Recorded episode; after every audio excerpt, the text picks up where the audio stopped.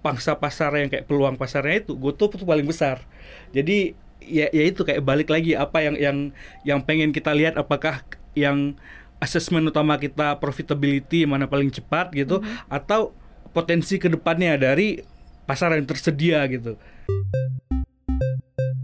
Melaju banget tuh Ya sampai sekarang harganya kalau nggak salah di angka 37.000 ribu ya, tapi peaknya pernah di 60.000. 60 ribu ya. sampai 59, bingung 60 orang ribu mau gitu. jual karena bingung ada nggak ada yang beli. Salah satu core atau sektor baru di bursa efek yang bisnisnya itu mengandalkan uh, plan masa depan gitu. Jadi menghitung apakah ini harganya cukup wajar ataukah harganya kemahalan atau kemurahan agak sulit nggak sih bagi analis? Paham Pantauan Saham Makin paham makin cuan. Hai Sobat Cuan, selamat datang di podcast Cuap Cuap Cuan Hari ini ada Paham Pantauan Saham Makin Paham Makin Cuan, Bareng Maria Katarina dan juga Ferry Sandria. Oke, kemarin kita sudah memulai episode battle kita dengan battle banking. Sekarang waktunya battle teknologi. Harusnya ramai nih, ada serang, serang, serang gitu. Jangan lupa ya Galia nanti ya. Oke, ternyata dari sepersekian atau sebagian kecil saham teknologi yang Sobat Cuan notice, tahukah bahwa ada jumlah yang cukup banyak loh untuk saham-saham part teknologi, bener nggak Mas Fer? Iya benar. Ada 29 ternyata. Orang tuanya apa coba? Paling Goto, Buka, yang baru beli-beli gitu. Paling apa kemarin yang ikut swing ke atasnya DCII mungkin ya. Ada ternyata banyak banget ada 29 dan gue juga baru notice sebanyak itu ya. Dari mulai Goto, kemudian Wir Asia, Anabatik, teknologi atau Atik, Buka, kemudian Cash, Cashless juga masuk ternyata ya DCII. Terus kemudian distribusi voucher Indonesia Diva, kemudian Digital Media Tama Maksima, DMMX, ada Indo Internet, Elang Makota, MTech ternyata masuknya ke teknologi juga ya. Envy Teknologi, Galva, Hanse, Kioson Komersial, Limas Indonesia, Sentral Mitra Informatika, Mcash juga masuk ternyata. Multipolar juga ternyata join di sini juga ya di uh, Multipolar teknologi. teknologi itu. Iya, multipolar teknologi ya. Kemudian Metrodata, Electronics juga ada di sini. NFC Indonesia, Turindo Guide Indonesia, kemudian Global Sukses Solusi. Saat Nusa Persada nih gue baca satu-satu ya biar nggak ada yang ngiri-ngirian ya. PT Northcliffe Citra Nusa Indonesia, kemudian Indo Sterling, Teknomedia, dan juga PT Trimega Karya Pratama, eh, Zirexindo Mandiri, eh, Buana, dan ada Global Digital Niaga, dan Tekno Indonesia TBK atau Nine. Jadi lu yang gila-gilanya teknologi, pilihannya banyak sebenarnya ya. Nggak cuman yang biasa, ya memang yang nggak nggak cuman yang seter, yang terkenal terkenal itu aja, bahwa ternyata banyak juga. Nah kalau menurut Mas Ferry dari persebaran 29 ini cukup apple to apple nggak sih masing-masing? Iya sebenarnya untuk teknologi itu payungnya lumayan luas ya. Hmm. Yang memang yang banyak dibicarakan sama masyarakat gitu ya, yang kayak umumnya kita tahu ya itu yang yang berhubungan dengan ekonomi digital. Hmm. Kemudian teknologi yang berhubungan dengan eh, ekonomi digital. Padahal kan teknologi ada banyak gitu. Jadi kayak yang Trimegah tadi kan ultra voucher gitu. Dia sebenarnya digital juga tapi buat distribusi voucher gitu. Mm-mm. Orang-orang pada kurang tahu.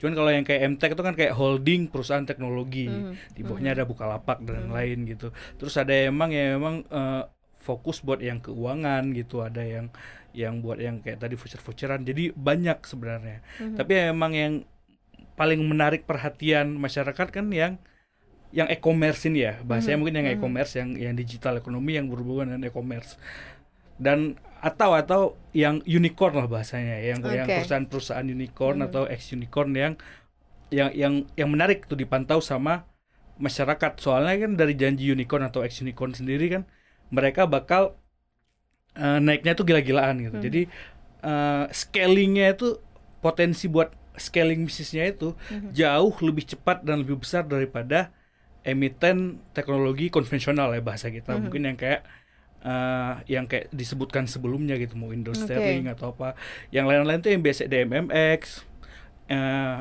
dan semuanya itu potensi Oke. mereka buat ini apa namanya eh, scalingnya itu nggak sehebat dari yang ex unicorn ini Ya begitu. karena kan unicornnya gede-gede, pembiayaannya juga besar.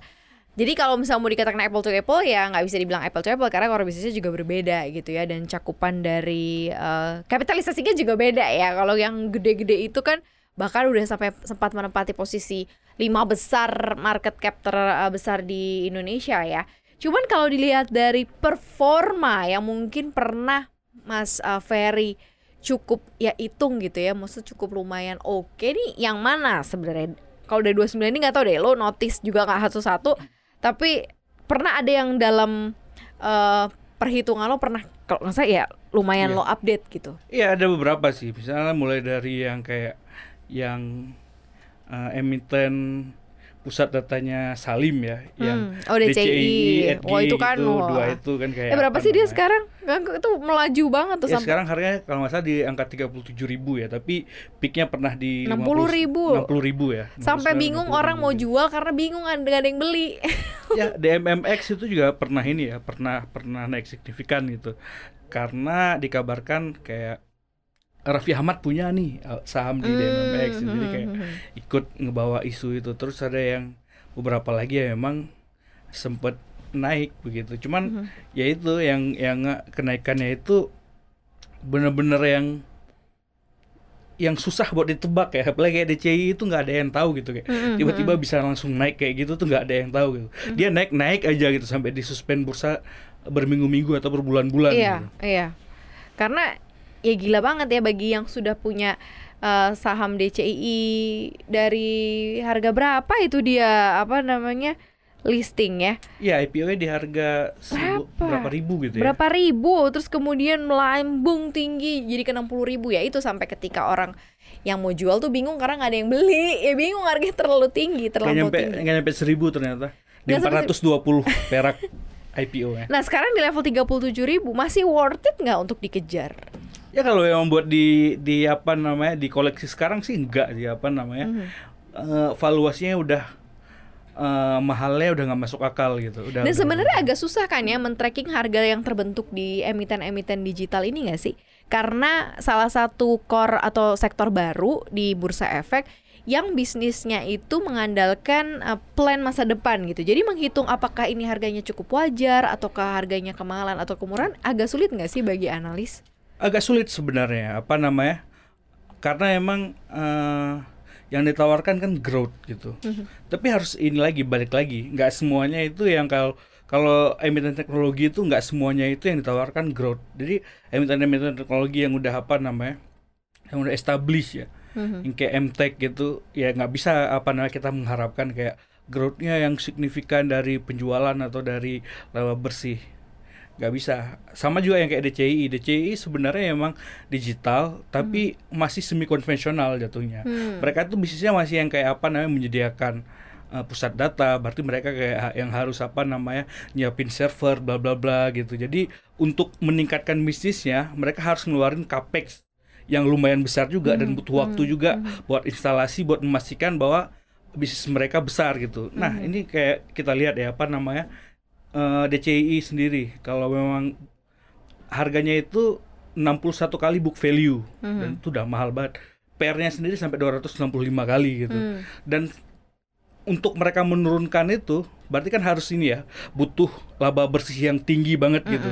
Dan itu bakal butuh waktu yang sangat lama nggak nggak bisa pendek itu beda sama yang yang kayak emiten-emiten teknologi lain ya, yang kayak kita bilang kayak e-commerce gitu. Hmm. mereka jauh lebih gampang buat apa namanya menaikkan penjualan atau meningkatkan eh, pendapatan. Karena mereka ya itu nggak perlu apa namanya infrastruktur yang yang misalnya kayak pusat data harus dilengkapi habis itu kayak ngebangun pabrik ngebangun Hmm, apa gitu. hmm, mereka kan ini ya apa namanya backbone-nya itu benar-benar digital ya, Ya, ya, kalau ya, emang ya, ada ya. ini ya dan eh, pasarnya ada bisa gitu dengan cepat ini membalikkan keadaan Ya itu, tapi tunggu momentum dan pasar yang terbentuk sampai bisa membalikkan keadaan itu ya prosesnya butuh waktu yang cukup eh, lama ya. Iya, Makanya benar. kadang-kadang saham-saham yang part digital ini ya agak nggak bisa untuk investasi karena we never know. Jadi karena sistemnya juga belum ke bentuk juga sekarang gitu. Apakah mereka masih pro growth atau sudah masuk ke profit? Kalau growth kan berarti ya mungkin masih banyak harus ngeluarin budget membakar uang ya. Tapi kalau misalnya udah ke profit mungkin dia akan mikir core bisnisnya akan seperti apa. Nah, kita sekarang coba bicara ke uh, tiga emiten yang sama jenisnya, misalnya seperti Goto, kemudian Buka dan Blibli, di mana mereka masing-masing punya uh, e-commerce, ada Tokopedia, ada Bukalapak dan ada blibli.com. Kemudian yang satu um, join with red hailing, yang lain kayaknya memang fokus core di e-commerce-nya untuk membesarkan e-commerce-nya. Nah, yang lo lihat tiga ini seperti apa? Kalau misalnya uh, gue ini my opinion ya, opini pribadi ya di antara tiga ini jujur aja gue cuman punya Tokopedia di akun di handphone gue jujur ya maksudnya gue nggak mendownload yang lain itu bisa menjadi salah satu patokan juga nggak sih screen out awal untuk memilih saham ketika memang usernya lebih dominan dibanding yang lain iya bisa tapi kan maksudnya uh, nggak semua perusahaan memiliki pangsa apa namanya uh, jenis pasar yang disasar yang sama begitu ya hmm. jadi kalau di antara kayak uh, beli goto sama buka, buka mereka tuh kayak uh, posisinya unik ya masing-masing. Pertama misalnya dari kalau kita lihat dari uh, path to profitability gitu. Di antara ketiga itu sebenarnya buka yang paling ini, yang paling yang paling oke okay gitu hmm. kayak mereka yang secara operasional ruginya itu yang benar-benar lebih sedikit habis itu yang kayak ke depannya udah udah udah makin jelas nih hmm. apa namanya uh, gimana cara mereka dapat uang gimana mereka profit tuh sebenarnya buka buka lapak paling jelas di antara ketiganya hmm tapi secara dari market yang yang di di tap in gitu yang yang punya market paling besar Goto Goto hmm. yang benar-benar punya peluang yang kalau memang dia uh, oke okay, dan ya, ya mungkin kayak orang-orang bilang yang bakal jadi Amazonnya Indonesia atau apa kalau memang benar-benar terjadi kemungkinan ya grup Goto hmm. beli punya proposisi yang menarik juga mereka di belakangnya ada investor yang kuat gitu hmm. jadi hmm. ada hmm. ada grup jarum yang siap apa namanya siap nampung lah kalau memang misalnya hmm. ya, si beli ya. ini ada masalah. Ya. Jadi kayak kemungkinan naik sahamnya turun drastis yang kayak kejadian di Buka dua yang lainnya itu kemu kayaknya nggak mungkin kemungkinannya sedikit ya. gitu. Hmm. Jadi soalnya mereka uh, ada yang nampung. Jadi unik masing-masing. Hmm. Gitu sih. Cuman melihat ada kondisi atau kejadian uh, eh, JDID kemarin kemudian tutup, berarti kan akhirnya kita ngelihat bahwa ya uh, running bisnis startup khususnya e-commerce ini juga penuh tantangan juga kan.